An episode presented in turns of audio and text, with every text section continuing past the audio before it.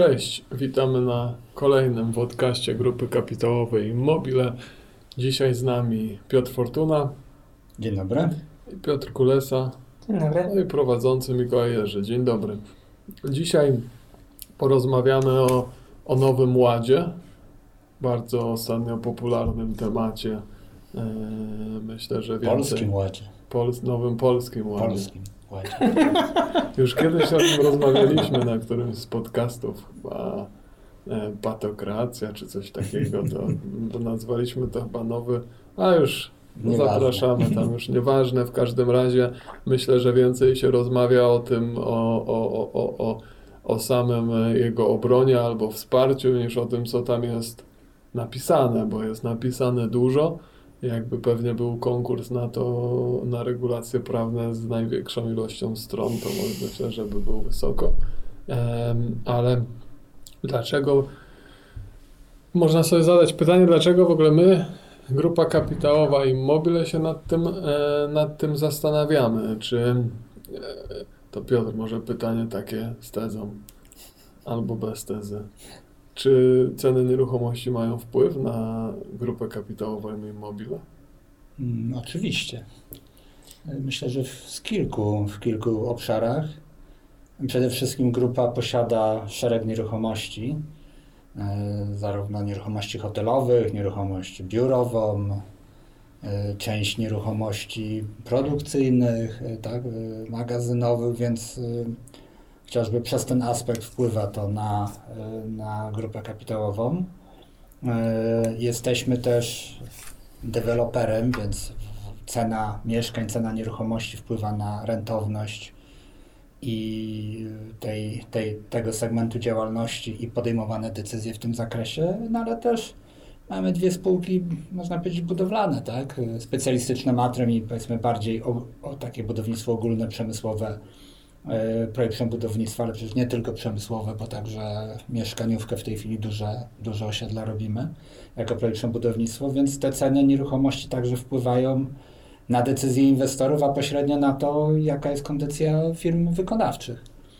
E, Kiedyś taką zrobiliśmy nawet e, symulację. Tak, to takie- zastanawialiśmy taką- się nad nieefektywnością powiedzmy wycen na rynku kapitałowym, Tak. bo Także porównaliśmy naszą kapitalizację, to było miesiąc czy, czy dwa miesiące temu, do wartości naszych nieruchomości. Wyszło, że w zasadzie kapitalizacja odpowiada wartości naszym, naszych nieruchomości. Tak? Czyli wartości netto, nie? bez, Minus, bez, y, bez y, tak. długów, które przypadają Bez długów, a i plus, plus gotówka, Gotówka. więc to taki, to pokazuje tak jakby te nasze pozostałe biznesy były nic, no czyli nie no, y, niewyceniane. Za na darmo rynek. w były. skrócie mówiąc można kupić e, e, akcje e, grupy kapitałowej Immobile e, za praktycznie cenę jej nieruchomości plus gotówka, a pozostałe biznesy w zasadzie się dostaje w Gratis. prezencie, gratis. Taka promocja. Czy to jest promocja, czy nie, to już niech inwestorzy sobie sami e, ocenią. E, I no to w związku z tym, że powiedzmy mają wpływ te ceny nieruchomości, one się na sprawozdanie finansowe tak na wprost e, nie, nie Nie przekładają. no, przekładają się na wprost, można powiedzieć, bo wycena wartości nieruchomości inwestycyjnych A nie przychodzi przez wynik zawsze. e, nie, nie zawsze przychodzi przez wynik, ale na przykład grunty te deweloperskie, które mamy na bilansie jako grunty inwestycyjne, jako nieruchomości inwestycyjne od dłuższego czasu, jakakolwiek zmiana wartości tych, e, tych gruntów dzisiaj wpływa na wprost, przychodzi na wynik, czyli jeżeli rośnie wartość chociażby gruntów naszych deweloperskich na Sułkowskiego w Bydgoszczy, to mamy, pokazujemy zysk, jeżeli spada, no to jeżeli by spadała, to byśmy pokazali stratę, więc to tutaj częściowo na wprost, a częściowo pośrednio poprzez rentowność tych dwóch segmentów, przynajmniej dwóch segmentów, tak? Czyli, czyli yy, segmentu deweloperskiego i segmentu yy, budowlanego, budownictwa. Pośrednio pewnie też wpływa na kondycję, nie wiem, chociażby sektora hotelowego, tak? No na konkurencję w tym, w tym sektorze, na i tak dalej, i tak dalej, więc my jesteśmy mocno w- w- wrażliwi na, na, na nieruchomości, na to, co się dzieje na szeroko pojętym rynku nieruchomości i chyba nawet to mamy w nazwie. nie? No ale to jak idąc dalej, no to powiedzmy, jakbyśmy mieli się zastanowić, jak te ceny nominalne będą się e, kształtowały w, powiedzmy w najbliższym roku. Zresztą próbowaliśmy to zrobić przy cenach mieszkań w jednym z poprzednich odcinków, ale to jest dość trudno tak jasno zadeklarować, ale powiedzmy, jeżeli chodzi o ceny nominalne, no to co, byś, co myślicie o tym? Czy w takim nominalnym, e, nominalnych wartościach ciężko byłoby o ten spadek, przynajmniej e, w A krótkim może Piotr okresie? powiedz, jak już tak mówimy nominalne, to Mhm. Jak, jak ty postrzegasz różnicę pomiędzy nominalną a realną wartością? Czy nominalna wartość to jest ta, powiedzmy, wyrażona w aktualnej naszej walucie, czyli mamy powiedzmy za 1000 zł e, i czy za 1000 zł jakąś powiedzmy nieruchomość albo za 100 tysięcy, żeby było bardziej realne, kupuje się jakieś mieszkanie na przykład e, i 10-metrowe chyba. A może jakieś tam na wiosce jakieś. No. e, Pół miliona, no. no to pół miliona w takim razie. Eee, w każdym razie, to jeśli nominalnie mówię, to mam na myśli to, czy na przykład za rok, czy tam za 5 lat to będzie nadal pół miliona, czy może 400 tysięcy, czy jednak 600 tysięcy albo więcej, tak? I to jest zmiana ta nominalna e, wartości tej nieruchomości. A to, co to znaczy realnie, to jest druga historia, no bo, e, bo cały czas mamy w trakcie trwania tego okresu jakąś inflację bądź deflację, ale raczej się rzadko bardzo zdarza, więc raczej mamy jakąś inflację, więc nawet jeśli za 5 lat ta cena nominalnie będzie taka sama, czyli nadal 500 tysięcy będzie warte, to to niekoniecznie musi być ta sama wartość, bo teraz mamy, prawda, tam 6% inflacji oficjalnie, tam pewnie na, na przełomie roku będziemy mieli jeszcze więcej. Eee, I myślę, że jest bardzo duża szansa, tutaj zresztą były nagrania o tym też, jak to będzie na rynku żywności. W wyniku tego, co się dzieje teraz na nawozach, to myślę, że realna inflacja to przez dłuższy czas się może utrzymać na takim wysokim poziomie relatywnie, więc, e, więc myślę, że realnie to może nawet spadać, nawet jeśli nominalnie będzie rosnąć, czyli na przykład za 5 lat to mieszkanie będzie 600 tysięcy warte, to ta inflacja może być na tyle duża, że to 600 tysięcy za 5 lat będzie mniej warte niż te pół miliona dzisiaj. No to już. No tak, naj, najprościej mówiąc, różnica między tą powiedzmy wzrostem czy spadkiem nominalnym a re, realnym, y, no to jest takie, że od wzrostu tego nominalnego wyrażonego, tak jak Piotr powiedział, na wprost pieniądzu, trzeba odjąć y, zmianę ceny, tak? Zmianę cen, Zmianę ceny cen cen wynikające, w, nie, nie, wynikające z, z tak. inflacji, tak? I czy to z, zrobimy do średniej, do inflacji tej ogólnej, czy zrobimy do jakiejś inflacji powiedzmy Swoje. sektorowej, czy, Tak. czy jakiejś jeszcze innej, no to, to, to jest jak gdyby odrębna rzecz, ale najprościej e, to, że dzisiaj zarabiam 1000 zł, jutro zarabiam 1500, czy tam 1100 powiedzmy, czyli 10% więcej, ale jeżeli w tym samym okresie inflacja wynosi 10%, to mogę powiedzieć, że nie dostałem żadnej podwyżki, realnie zarabiam ciągle tyle samo, bo za te 1100 zł kupię mniej więcej te same dobra, które, które kiedyś kupiłem za 1000 zł, tak? Więc to Tak. tak. Znaczy ja Dlatego, ale- dlatego premier tak ciągle podkreśla, że wynagrodzenia rosną szybciej jak inflacja.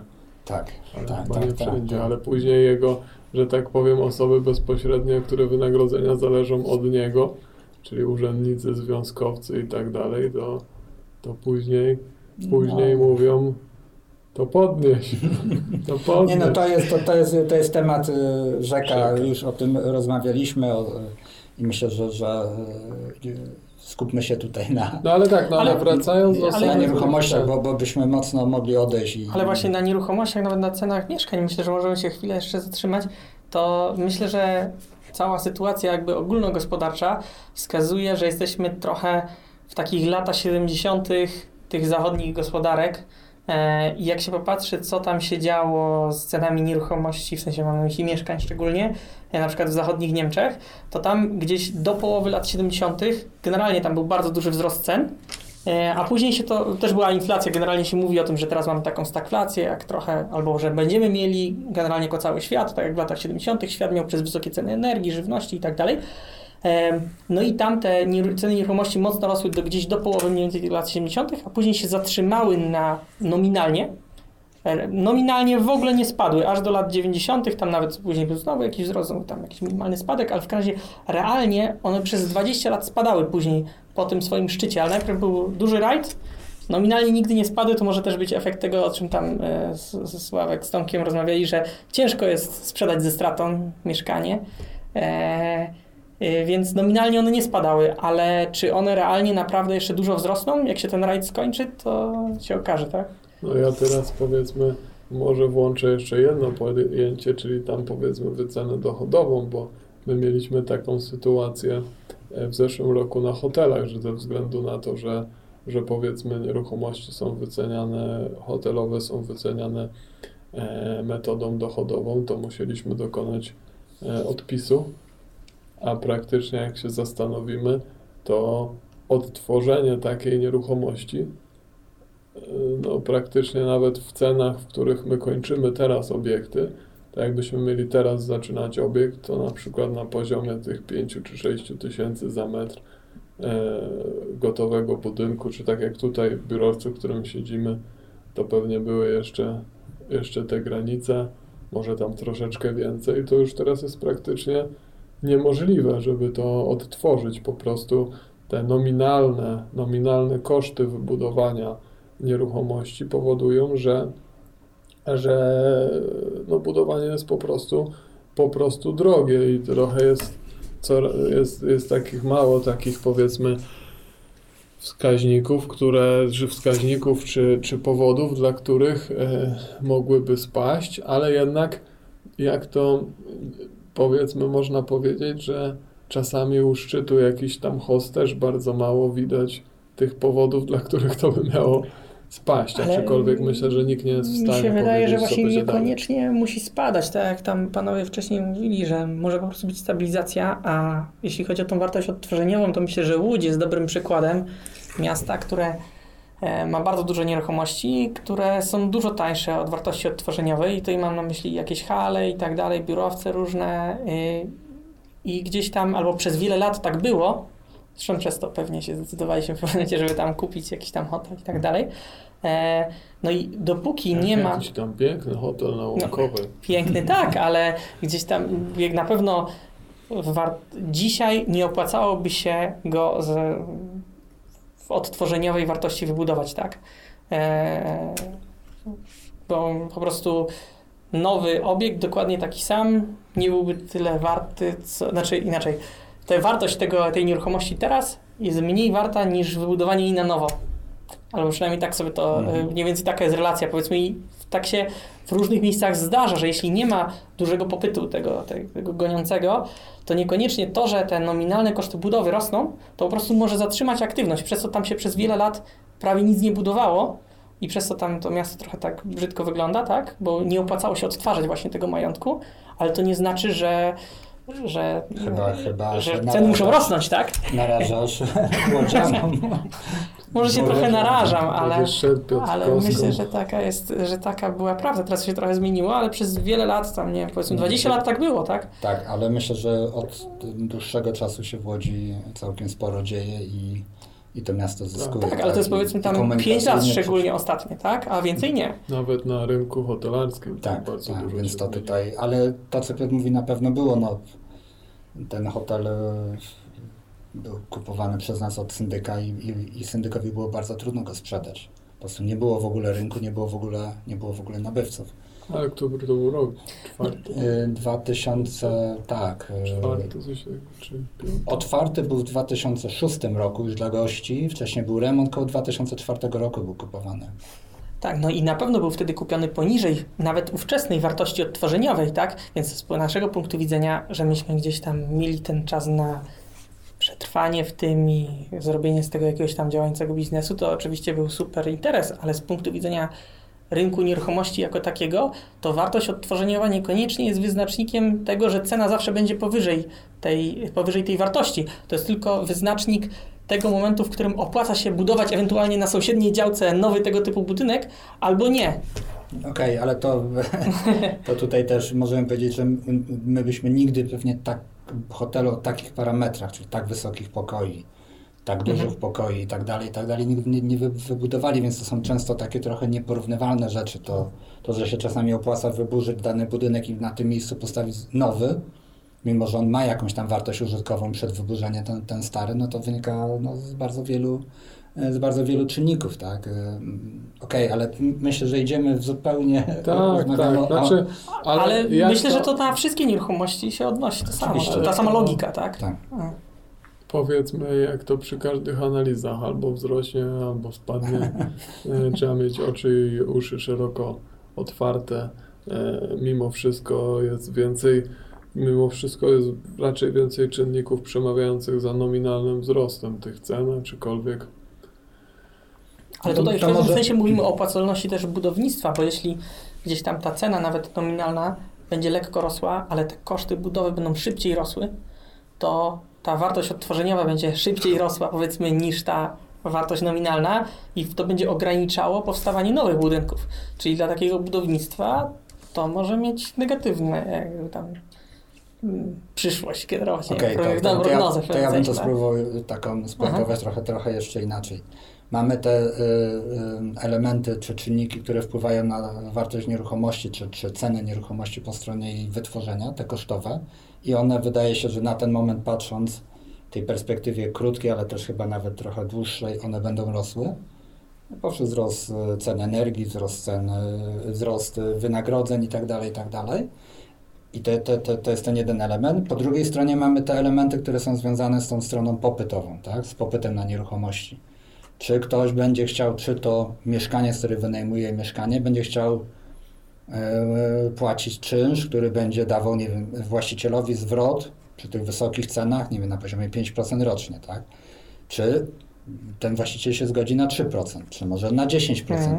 tak? Ale jeżeli nie będzie, nie będzie tego rynku, Tego pierwotnego tego- popytu, tak? tego, Gdyby- tego, tego płacącego, no to ta cena popyt, jak gdyby wyrażona poprzez popyt, czyli poprzez tą możliwość dochodową, y, będzie ustalana inaczej. I tutaj y, dwa czynniki. Z jednej strony te kosztowe, które na cenę odtworzeniową wpływają i po drugiej te czynniki, które wpływają na stronę popytową. Na stronę popytową wpływają różne czynniki, bo wpływają czynniki związane z jak gdyby majątnością e, osób, z możliwościami dochodowymi tych biznesów, które chcą wprowadzić w tych nieruchomościach, ale też wprowadzają czynniki typu podatkowe, tak, y, Tak. i tak dalej, i I tak to, co dalej. Pan powiedział, to tą oczekiwaną e, stopę zwrotu, no bo y, całkiem inaczej popyt się kształtuje, jak oczekiwana stopa zwrotu jest 3%, a całkiem inaczej jak jest 10%, prawda, na te jakiekolwiek nieruchomości, tak samo jak te mieszkania. Im niższa ta stopa oczekiwana, No, Tym bardziej pcha to cenę do kupu, tak? kontynuować, bo to zależy od inflacji, od stóp procentowych i tak dalej, i tak dalej, i tak dalej. No dobra, ale przejdźmy do powiedzmy tego głównego tematu e, odcinka, czyli nowy polski ład. E, Mhm. to może zacznijmy od tego, czy wejdzie w ogóle. Nie politykujmy, ale to jak stawiacie, to się nagra, będziemy wszyscy potem mogli was rozliczyć. Znaczy ja myślę, że, że mimo wszystko, mimo że ta większość dzisiaj rządowa jest krucha i, i, i bardzo chwiejna, to jakby to ładnie powiedzieć, żeby nikogo nie obrazić, e, zdolność klasy politycznej do przyjmowania, do bycia korupowanym jest tak duża, że ta większość zostanie utrzymana, tak? A czy to, czy to jest zdolność do tego, czy mimo wszystko takie porozumienie ponad podziałami dla zwiększania obciążeń podatkowych? Y, tak daleko bym nie szedł. Y, Myślę, że jest to. y, Myślę, że jest to to, to, to pierwsze, czyli strona rządowa będzie chciała przeforsować ten projekt, bo włożyła w niego dużo PR-owych już Tak. takich nakładów.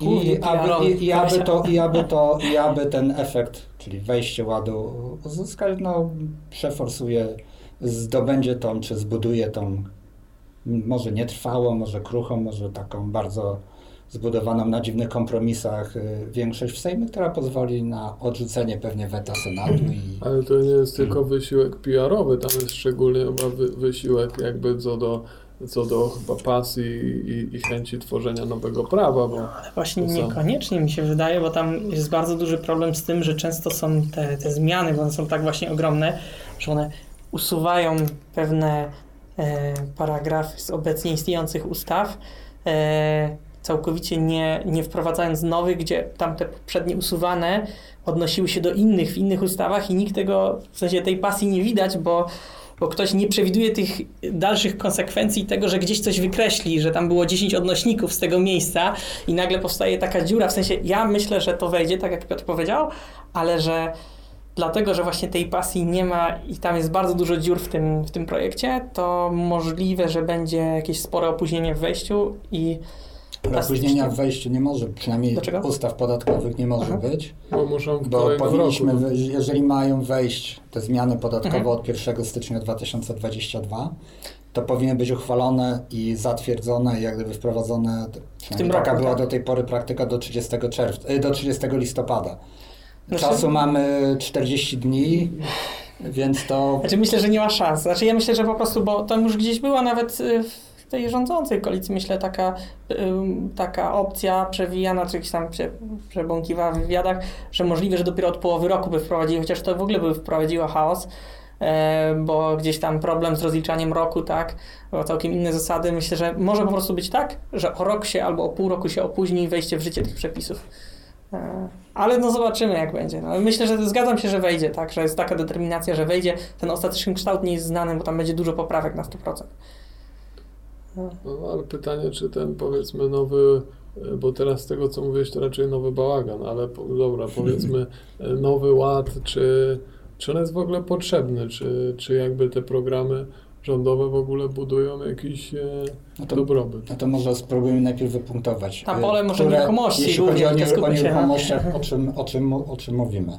Mówimy o y, zmianach w, y, w, w, w, w, powiedzmy w ułatwieniach dla nabywających mieszkania poprzez dopłaty, czy w zasadzie gwarancje do, do wkładu własnego, tak? To, to, to jest jeden z tak, przynajmniej w mojej głowie tak to wygląda. Są zmiany dotyczące e, budowy tych, tych domów do 70 metrów, co też w jakiś tam sposób wpłynie, wpłynie na rynek e, nieruchomości. Są e, zmiany związane z, ze sprawami podatkowymi, dotyczącymi no, tutaj bardzo dużych zmian, jeśli chodzi o opodatkowanie dochodów z najmu. I to chyba te trzy, to, te, te trzy, które się odnoszą bezpośrednio do kwestii mieszka- do kwestii To nieruchomościowych, tak? Bo oczywiście wszystko się w jakiś tam sposób odnosi, Mhm. podatki, składka zdrowotna i tak dalej, ale te trzy rzeczy, jeśli chodzi o stricte nieruchomości, chyba się najbardziej odnosi. To może po kolei, to może, to może po kolei, może zacznijmy od tego pierwszego, czyli dopłata do wkładu własnego. Czy to, czy to realnie, e, czy to realnie pomoże osobom, powiedzmy, poszukującym mieszkań i czy to ma szansę się, ma szansę, że tak powiem, się przyczynić do tego, do czego poprzednie programy się nie przyczyniły. Chyba nie mówmy dopłata, czyli y, y, gwara- ale Znaczy, tam bardziej- jest możliwość umorzenia tego, także to jest w pewnym sensie dopłata. tak? części osób tam powy, y, przy... Chodzi o to, że trzeba mieć odpowiednią, musi się urodzić odpowiednia liczba dzieci w tej nieruchomości, którą się kupi z tą gwarancją, żeby, Ale to nie, żeby dostać Natomiast te... generalnie mówimy o tym, że, że rząd, czy rząd ogólnie Mhm. nazwijmy, będzie gwarantował wkład własny, czyli bank będzie mógł lub będzie chciał udzielić kredytu na 100% wartości nieruchomości, e, a nie tak jak teraz na 90%, czy, czy często banki e, żądają wręcz 20% wkładu własnego jako minimum. E, Ale te powiedzmy pozostałe 20% będzie pokryte gwarancją, czy to BGK, czy, czy, czy w jakiś inny sposób i bank, no, załóżmy, że będzie skłonny, ten bank komercyjny, który będzie finansował tego przysłowio- przysłowiowego Kowalskiego, będzie skłonny udzielić kredytu na 100%. Co z jednej strony powinno powiększyć e, grono osób, które są, no, mogą kupić to mieszkanie. Tutaj mieliśmy ciekawą dyskusję E, jeśli chodzi e, właśnie o o osobach młodych, które no, mają tą dużą barierą wejścia na rynek, tak na kupno własnego mieszkania jest kwestia uzbierania wkładu własnego, bo trudno uzbierać ten wkład własny, jeżeli się trzeba wynajmować mieszkanie, które pochłania, a ten wynajem pochłania dużą część, powiedzmy, jakichś tam tych nadwyżek finansowych, tak, i, i człowiek mieli na zero, czy ta, ta, ta rodzina, czy, czy, czy mielą na zero albo z bardzo niewielką nadwyżką, jeżeli nie mają pomocy rodziny i tak dalej, to jest y, po prostu ciężko. Natomiast ja widzę też w tym pewne zagrożenia, ale to, to y, wydaje się, że jest to impuls, na, który y, spowoduje jak gdyby wzrost potencjału y, kredytowego dużej części młodych, szczególnie młodych ludzi, co no, powinno się odbić pozytywnie na rynku y, nieruchomości na, poprzez budowanie mieszkań, ale jak zwykle jest tam kilka uwag. Je, Tak, ale, bo tam, y, y, kilka jest- szczegółów, a diabeł, diabeł jak zwykle tkwi w szczegółach, więc te dopłaty są, y, tak, ale tylko jeżeli do pewnej wartości metra kwadratowego, tak, Tak, więc ta, oznaczanej w taki, a nie inny sposób. Teraz pytanie, czy ta inflacja, czy dzisiaj będzie coś zapisane w prawie, czy za pół roku te parametry zapisane w prawie nie będą już przestarzałe, bo czy nieadekwatne do rynku, bo się okaże, że jednak cena poszła ceny w górę. odjechały i Cen- nagle tylko na, na wiosce No jakieś do tej się pory łapie tak- jakiekolwiek mieszkanie. Tego typu programy zawsze powiedzmy stabilizowały ten minimalny Tak. e, poziom ceny mieszkania i potem była znowu gonitwa w górę, więc raczej historycznie tego typu pomysły się przyczyniały do, do, do wzrostu cen. Znaczy na pewno też e, nie należy przeceniać e, tego wpływu tego programu, tak jak tutaj e, mówiliście, że po pierwsze są limity i to dla, szczególnie dla tych większych miast one będą miały istotne znaczenie, bo nagle się okaże, że większość mieszkań się nie łapie.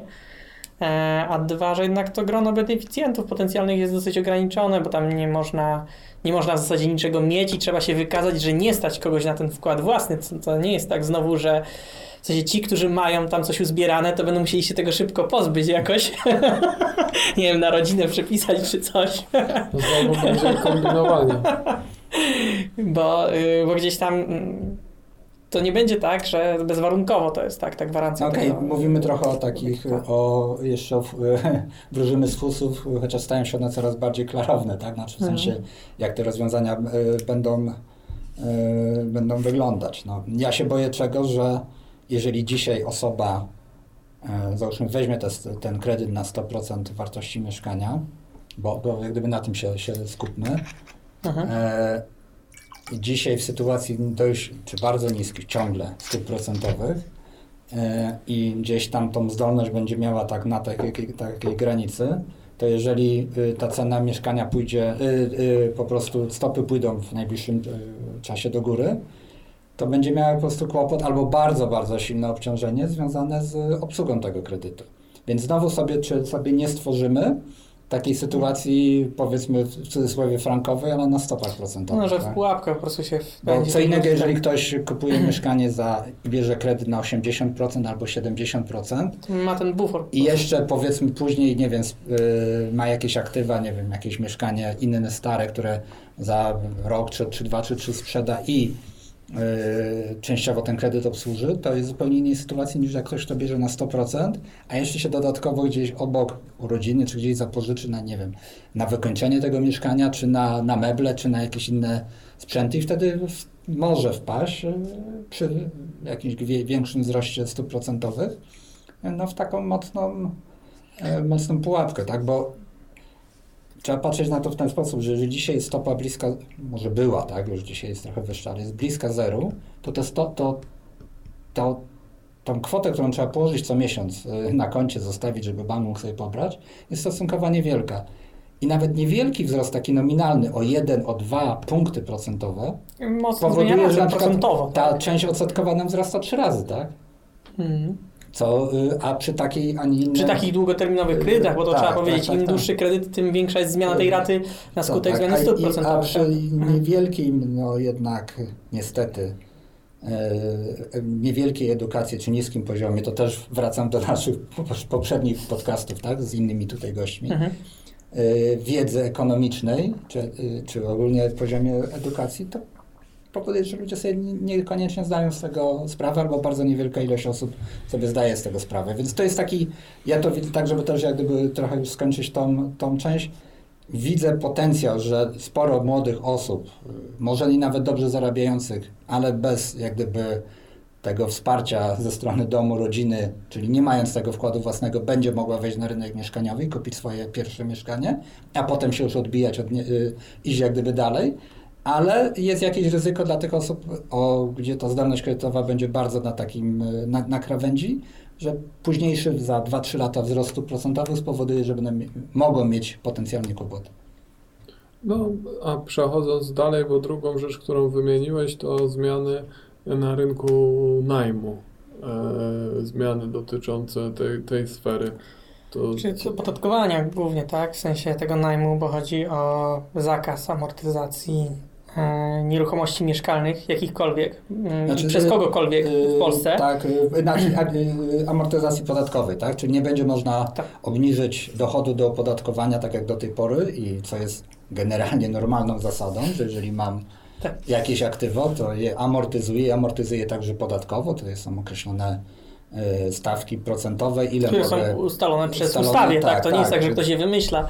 Więc E. i, natomiast to jest zmiana, która jest bardzo istotna dla bardzo szerokiej, e, szerokiego grona osób, które czy to wynajmuje te mieszkania jako najemca, czy wynajmuje jako właściciel mieszkania inwestor, a jest ona dość tak e, pomijana w tych szerokich, e, w szerokich dyskusjach i, i w mediach tych głównych, a ma, będzie to miało bardzo duży wpływ, bo z jednej strony no jest, jest pytanie, jak zareaguje rynek, tak? Bo Mhm. będę, ja jako właściciel, który do tej pory często dzięki tej, tej, tej amortyzacji płaciłem niewielkie podatki lub wręcz ich w ogóle nie, nie płaciłem, osiągnę niższy dochód netto, tak? I teraz pytanie, czy będę starał się to przerzucić na najemcę, czyli wzrośnie ten czynsz, czyli znowu e, eskalacja cen, czy no jednak y, z uwagi na rynek, nie pewnie moją dobrą wolę, tylko z uwagi na rynek, będę musiał się zadowolić mniejszym zyskiem netto i mniejszym zwrotem z inwestycji. Czy Co oczywiście spowoduje mniejszy popyt na y, na nieruchomości. stare mieszkania szczególnie, bo to one miały najkorzystniejsze możliwości amortyzowania. Tak, dziesięcioletnim, czyli 10% w skali roku mogłeś sobie odliczyć od, od podatku, tak? Ale jednocześnie, e, prawda, te najbardziej nielubiane nieruchomości staną się nagle e, podatkowo uprzywilejowane, bo te nieruchomości, które są te tak zwane mikroapartamenty, czy tam generalnie lokale użytkowe, które faktycznie pełnią funkcję lokali mieszkalnych, ale gdzieś tam są budowane jako lokale użytkowe i oficjalnie e, wynajmowane jako lokale użytkowe, dlatego że nie spełniają minimalnych standardów lokali mieszkalnych, to te lokale nadal będzie można amortyzować, więc w pewien sposób tutaj ustawodawca będzie promował przerzucenie, bo z punktu widzenia kogoś, kto chce kupić nowy lokal, to nagle ktoś tam omijał trochę te lokale użytkowe, bo one powiedzmy takie, ha, nie wiadomo co z tym będzie, tak w przyszłości, a nagle okazuje się, że ustawodawca wręcz karze tych, którzy szli powiedzmy zgodnie e, z duchem, z jak znaczy z ustawą, czy tam z, Znaczy nie, no nie, duchem nie, sprawy. z, wprost nie kombinowali. nie kombinowali, tak? Chciał kupić mieszkanie i wynajmować mieszkanie, to kupował mieszkanie, a nie lokal użytkowy o powierzchni tam, nie wiem, x metrów z 12, łazienką 13 i, metrów, i jakąś funkcją sypialną, Czyli tak? sugerujesz, że ten program pośrednio wesprze patodeweloperkę? Znaczy, no bardzo wesprze, bo ci, którzy kupili takie lokale użytkowe, no będą mogli, zdaje się, 2,5% tak rocznie amortyzować. E, No a reszta nie będzie mogła nic amortyzować, tak? Także wręcz e, z punktu widzenia teraz, bo myśmy jako tutaj GKI zawsze nie chcieli czegoś takiego robić, trzeba się zastanowić, czy czasami... Nie, myślę, że, myślę, że to jest kwestia. E, Tutaj mamy chyba dość mocne kręgosłupy i w takim, tak, jak, tak jak nie wchodziliśmy w kondo hotele, nie wchodziliśmy w inne e, nieruchomości i w inne te, tego typu dziwne, dziwne twory nieruchomościowe, to bo dawało to ewentualnie jakąś tam powiedzmy preferencje podatkowe, nigdy tego nie robiliśmy, chyba nie będziemy robić. Oczywiście nigdy nie mów nigdy, u nas, tak? Ale u nas nie, u nas, u nas zawsze rządzi logika i przede wszystkim patrzenie na długi termin. Każde to- osiedle, które budujemy, po prostu mieszkańcom ma się tam długoterminowo dobrze mieszkać. My na tym rynku No. będziemy bardzo długo i, i jakby u nas zawsze króluje logika. E, nas Ale tutaj nie, ale tutaj patologia, nie patologia. Ustawodawca wręcz teraz zachęca do tego, żeby stawiać w centrum miasta, bo to głównie będzie chodziło o centrum miast dużych.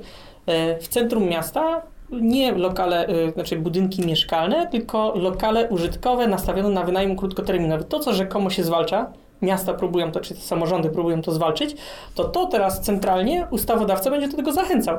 Bo takie budynki będą korzystniej amortyzowane, one i tak już miały wyższą stopę zwrotu teraz, tak? E, I może rozumiem, że nie będziemy chcieli tam, gdzie mają ludzie mieszkać, tak? Ale przecież no, samemu mieszkałem kiedyś na takim, w takim budynku.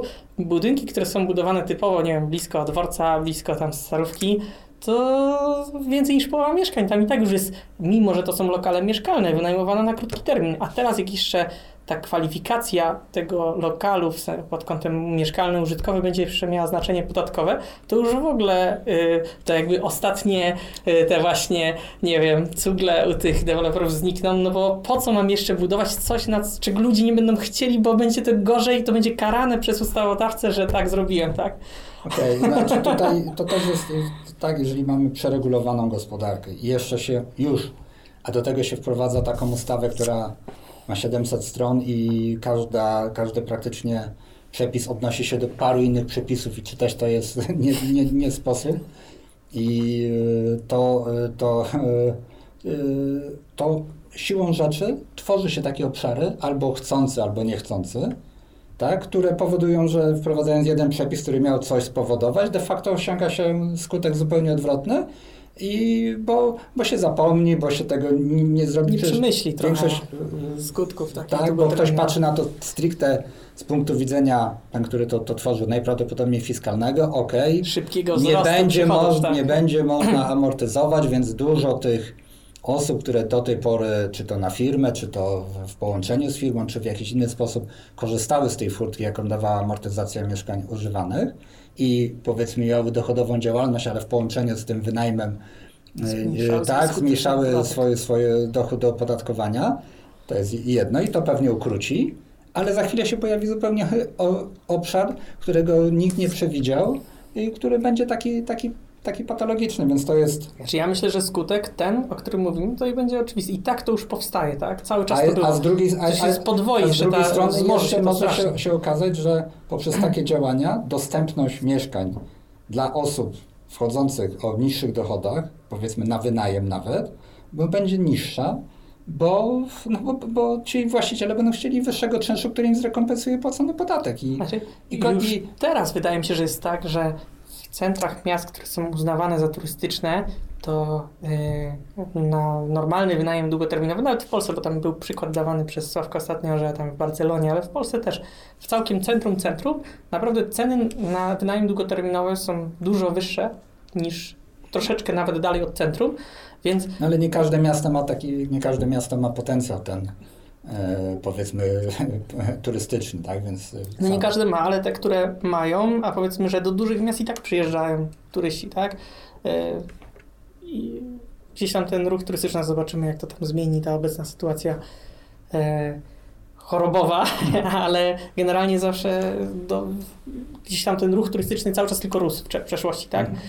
Więc generalnie wydaje mi się, że to będzie raczej wzmagało niż, niż gdzieś tam spadało ten, ten popyt na ten wynajem krótkoterminowy w centrum, a teraz jeszcze dodatkowo zostanie ten trend wzmocniony przepisami podatkowymi. Tak. Czy jeszcze Ale jakieś... chyba już strasznie długo. Tak, No, tak, no. więc jeszcze jakieś rzeczy widzicie w tym, w tym nowym ładzie związane z nieruchomościami? No są te kwestie tych domów 70-metrowych. Myślę, że y, wydaje, znaczy, że, y, pewnie najlepiej jakby tutaj się Sławek też powiedział Tak. na ten temat, ale tam jest na, zazwyczaj z tymi zmianami jakie, zmianami, jakie są ostatnio wprowadzane, wygląda to tak, że na pierwszy rzut oka coś wygląda dobrze, ale jak się wejdzie w szczegóły, to już takie różowe nie jest. Tutaj ostatnio czytałem taki artykuł, że szereg specjalistów od, od prawa budowlanego czy y, y, mówi, że inwestorze uważaj, jeżeli skorzystasz z tych wszystkich ułatwień, nie będziesz miał inspektora nadzoru, nie będziesz miał kierownika budowy, to bierzesz wszelkie ryzyka na siebie. Tak? Jakiekolwiek odstępstwo od projektu budowlanego, jeżeli odpukać, coś się stanie w takim budynku, bierzesz na siebie, a to jest odpowiedzialność karna, którą normalnie bierze na siebie kierownik budowy, tak? Inżynier. Mhm. E, I dwa, uważaj, czy jeżeli wybudujesz dzisiaj taki dom i będziesz chciał go sprzedać, to czy ktoś go będzie chciał kupić, albo czy nie będzie chciał dużego dyskonta z uwagi na te wszelkie ryzyka prawne, które, y, które powstają przy budowie, jeżeli zrobimiłeś coś niezgodnie z prawem, a się na tym nie znasz.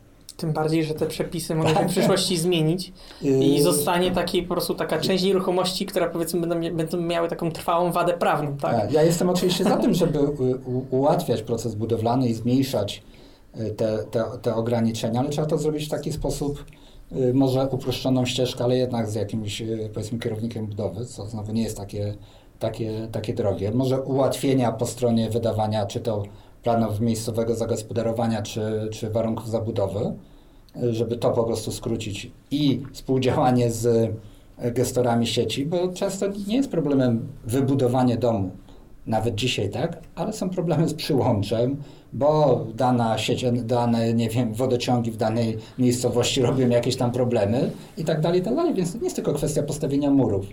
Mm. Ale jeżeli Tak. ktoś nie będzie chciał zrobić przyłącza lub go nie uzyskasz, no to z czego wybudujesz dom, jak nie będziesz miał w nim wody?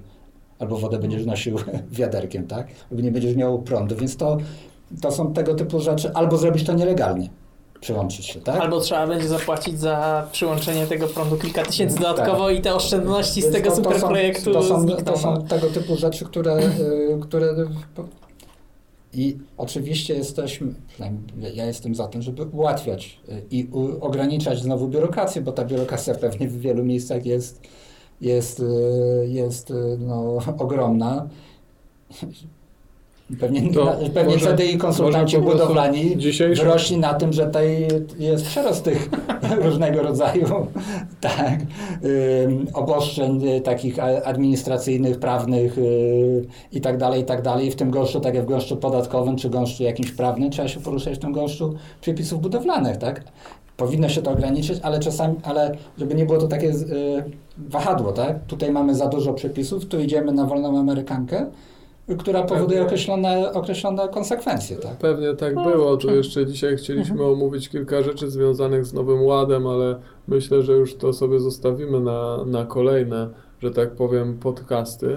Warto, zadajcie najlepiej, jakbyście w komentarzach napisali, co Was interesuje, tych, tych, tych, tych, tych stron prawnych związanych z tym Nowym Ładem jest bardzo dużo. E, także s- jakby Was interesowały konkretne rzeczy, dajcie znać dajcie znać w komentarzach, czy cokolwiek, jak tutaj rzeczy, które padły. Często to niestety my się długo znamy, dużo rozmawiamy, więc część z tego to są powiedzmy jakieś skróty myślowe czy uproszczenia. Jakbyście coś takiego wyłapali i chcieli, żebyśmy to w którymś z podcastów rozwinęli, to dajcie znać w komentarzach. Zapraszamy do lajkowania, subskrybowania, żeby Was żaden odcinek nie ominął. Bardzo dziękujemy za dzisiaj i do usłyszenia przyszłym tygodniu. Dziękujemy. Do Dziękujemy. usłyszenia. Do usłyszenia.